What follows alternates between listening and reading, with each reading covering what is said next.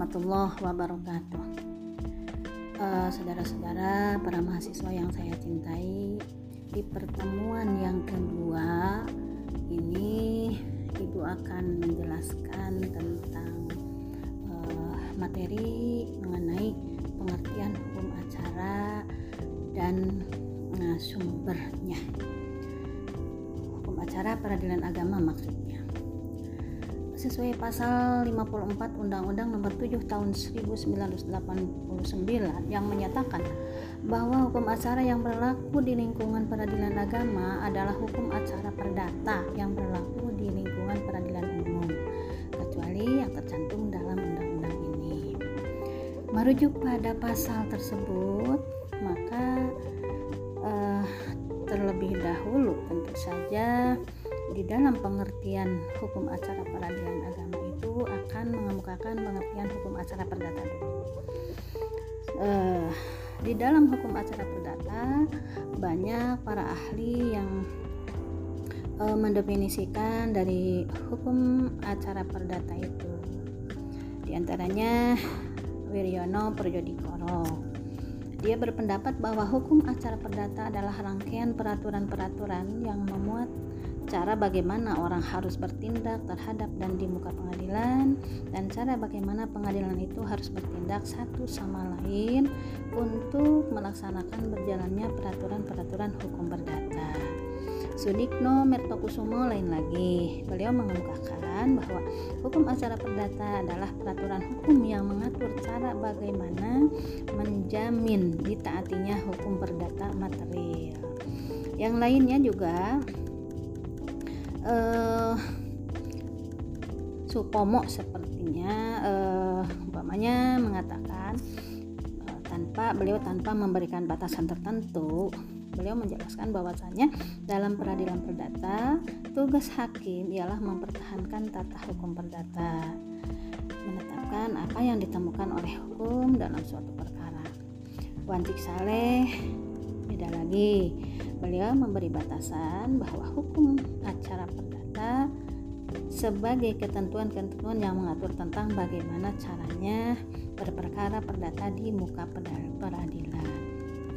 Abdul Manan lain lagi, beliau mengemukakan bahwa hukum acara perdata merupakan hukum yang mengatur tentang tata cara mengajukan gugatan kepada pengadilan, bagaimana pihak tergugat mempertahankan diri dari gugatan penggugat, bagaimana para hakim bertindak baik sebelum dan ketika pemeriksaan sedang dilaksanakan, dan bagaimana cara hakim memutus perkara yang diajukan penggugat tersebut, serta bagaimana cara melaksanakan putusan tersebut sebagaimana mestinya sesuai dengan peraturan yang berlaku.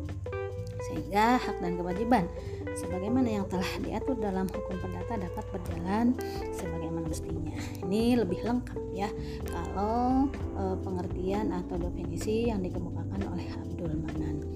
Nah, merujuk pada berbagai pengertian tersebut bila dirangkaikan dengan peradilan agama ini hukum acara peradilan agama maka dapat didefinisikan dengan rangkaian peraturan-peraturan yang memuat cara bagaimana orang harus bertindak terhadap dan di muka pengadilan agama dan bagaimana cara pengadilan agama itu harus bertindak satu sama lain untuk melaksanakan berjalannya peraturan-peraturan hukum positif Islam yang menjadi sumber hukum material bagi lingkungan peradilan agama.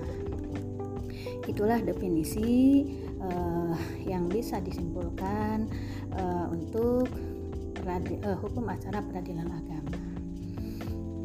Kemudian kalau kita merujuk kepada uh, sumber yang dijadikan sumber hukum dari uh, hukum acara perdata itu maka bersumber kepada uh, sumber hukum material hukum sumber hukum per, acara perdata. Jadi hukum acara peradilan agama eh, sesuai dengan pasal 54 yang sudah dibacakan tadi, sumbernya itu sama dengan sumber hukum acara perdata. Di mana di dalam hukum acara perdata yang menjadi sumbernya itu banyak ya, yaitu uh, ada beberapa hal di antaranya undang-undang uh, HIR ya HIR uh, kemudian RBG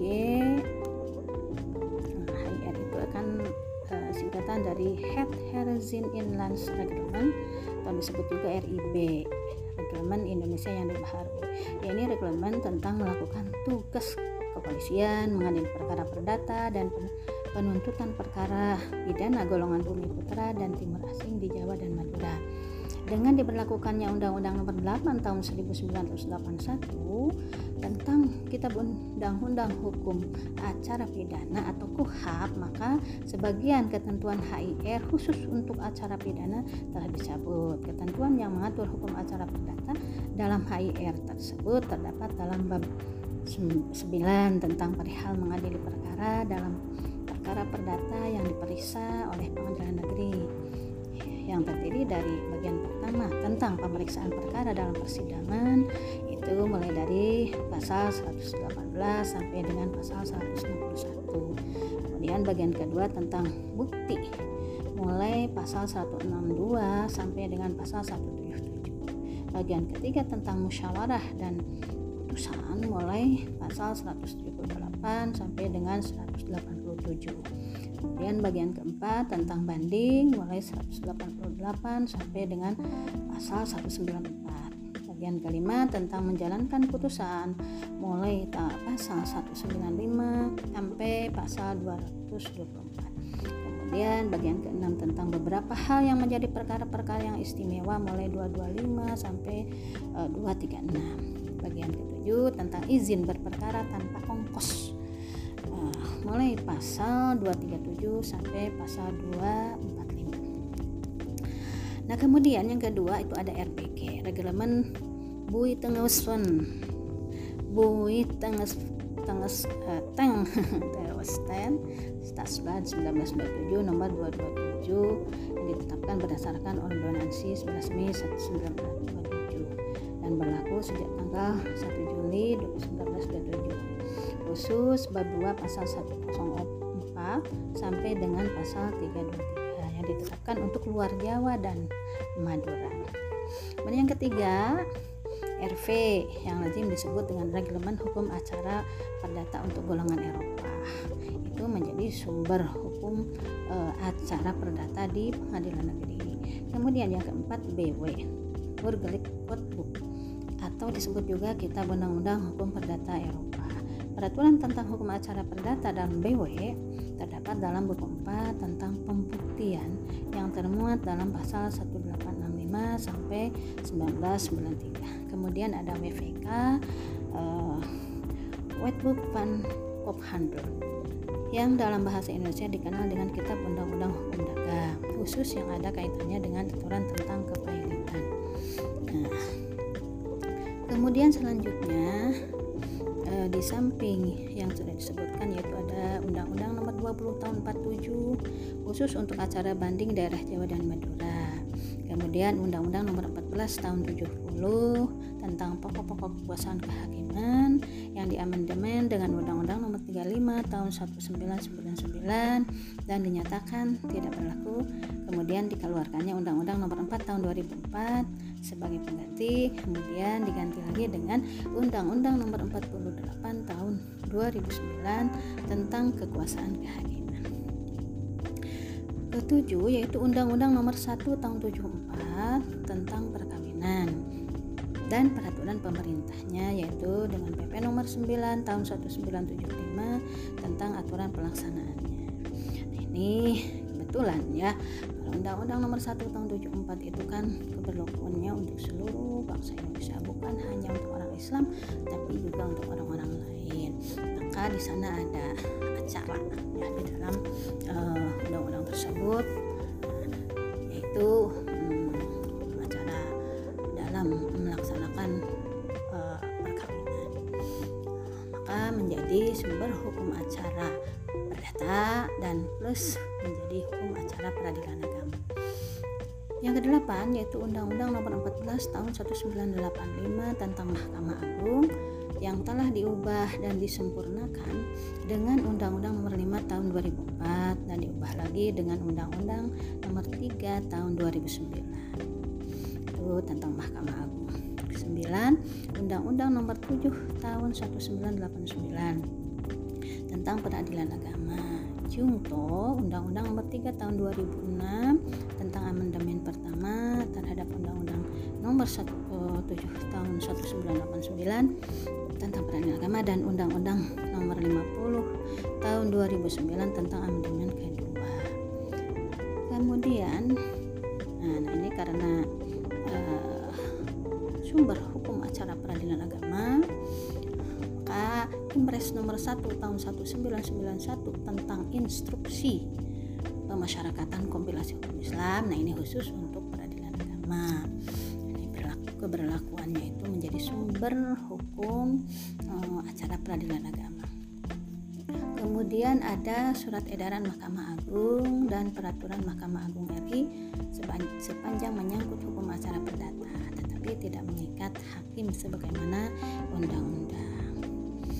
Untuk itu, para pakar hukum berpendapat bahwa perma dan sema peraturan Mahkamah Agung dan surat edaran Mahkamah Agung adalah bentuk campur tangan Mahkamah Agung terhadap hakim dalam menyelesaikan perkara. Tetapi hal ini dimaksudkan sebagai pengawasan tertinggi yang menjadi wewenang Mahkamah Agung sebagaimana tercantum dalam pasal 11 ayat 4 Undang-Undang Nomor 48 Tahun 2009 tentang kekuasaan kehakiman. Kemudian surat edaran dan instruksi Mahkamah, Mahkamah Agung RI itu RI itu bukanlah hukum tetapi merupakan sumber hukum. Bukan berarti tempat ditemukan hukum tetapi tempat hakim dapat menggali hukum. Uh, saudara-saudara sekalian, uh, yang ke-11 mungkin ya, ke-11 itu ada jurisprudensi yang dimaksud dengan jurisprudensi itu ya hmm, kumpulan yang sistematis dari keputusan Mahkamah Agung dan keputusan pengadilan tinggi yang diikuti oleh hakim lain dalam memberikan keputusan terhadap masalah yang sama. Nah, terutama ketika tidak ditemukan aturan-aturan yang jelas tentang satu perkara yang dihadapi oleh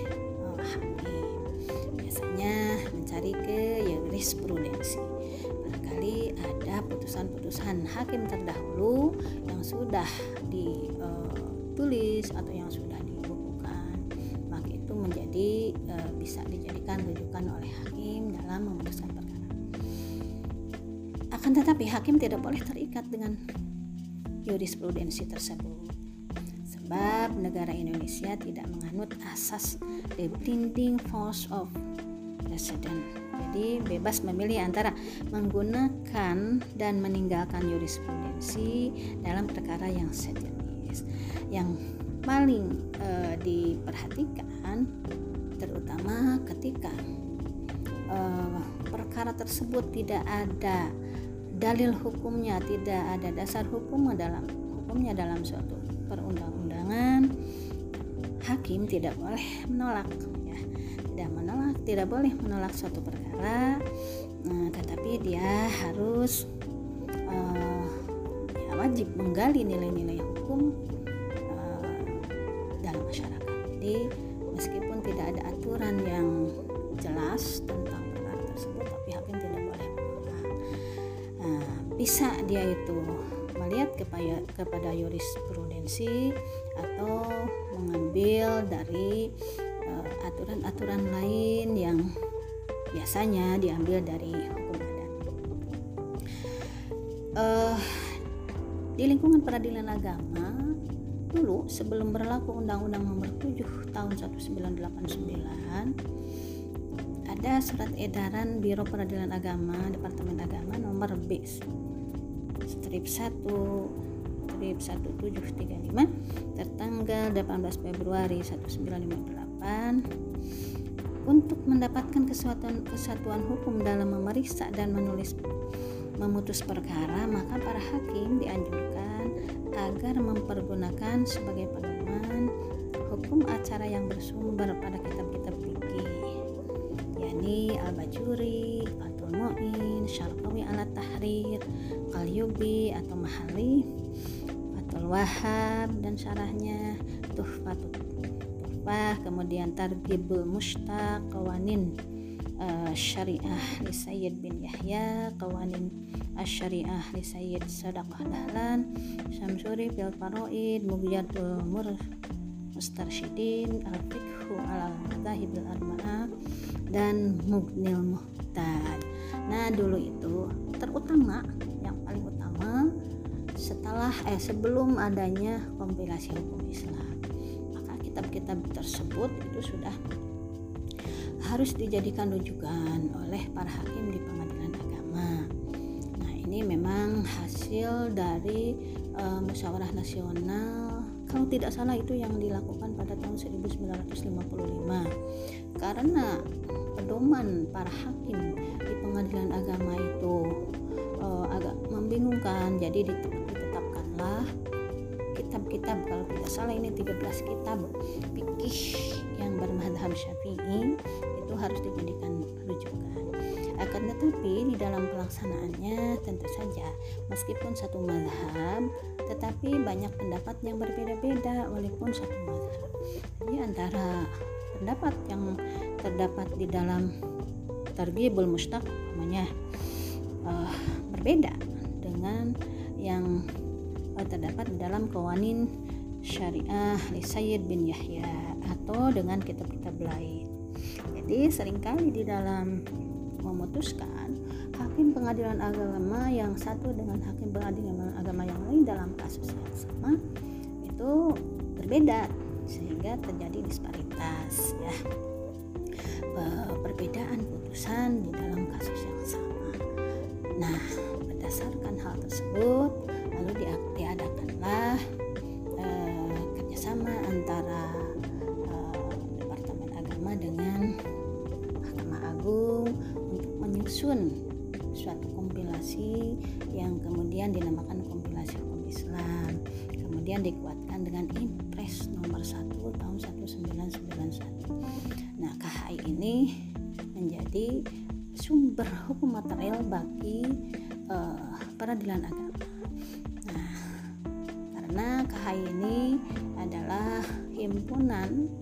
hukum Islam dari 38 kitab fikih berbagai macam kalau dulu penentuan 13 kitab itu bermadhab syafi'i tetapi e, di dalam kompilasi hukum Islam itu dari 38 kitab berbagai madhab yang berlaku di Indonesia terutama madhab e, Maliki, Syafi'i, Hanafi, dan Hambali Tuhiri juga masuk tapi madhab Syiah itu tidak satu dari madhab Zohiri yaitu membolehkannya uh, wanita yang sedang hamil uh, dinikahkan dapat dinikahkan dengan laki-laki yang menghamilinya. Tentu saja yang hamilnya di luar nikah yang sah. Wanita yang hamil kemudian hasil dari menurut kompilasi hukum Islam yang merujuk kepada pendapat Daud Az-Zahiri itu boleh dinikahkan. Dapat istilahnya kalau di dalam aturan itu dalam pasal itu istilahnya menggunakan kata dapat dinikahkan. Wanita hamil dapat dinikahkan dengan laki-laki yang menghamilinya. Jadi syaratnya harus dengan laki-laki yang menghamilinya. Itulah di dalam kompilasi hukum Islam jadi madhab-madhab yang ada di dalam kompilasi ini disatukan semuanya semua madhab yang berada di Indonesia. Barangkali itulah uh, untuk materi hari ini yaitu tentang pengertian hukum acara peradilan agama dan sumbernya. Jadi tadi sudah disebutkan bahwa uh, ya definisi dari hukum acara peradilan adalah tentang aturan-aturan tentang cara bagaimana seseorang uh, mengajukan perkara ke pengadilan agama dan bagaimana pihak pengadilan agama bertindak satu sama lain untuk melaksanakan hukum material peradilan agama yaitu hukum positif Islam dalam hal ini. Hukum positif Islam sudah banyak sekarang nomor satu tahun 2004 kombinasi hukum Islam. Kemudian ada eh, undang-undang uh, tentang uh, perbankan Islam dan lain sebagainya.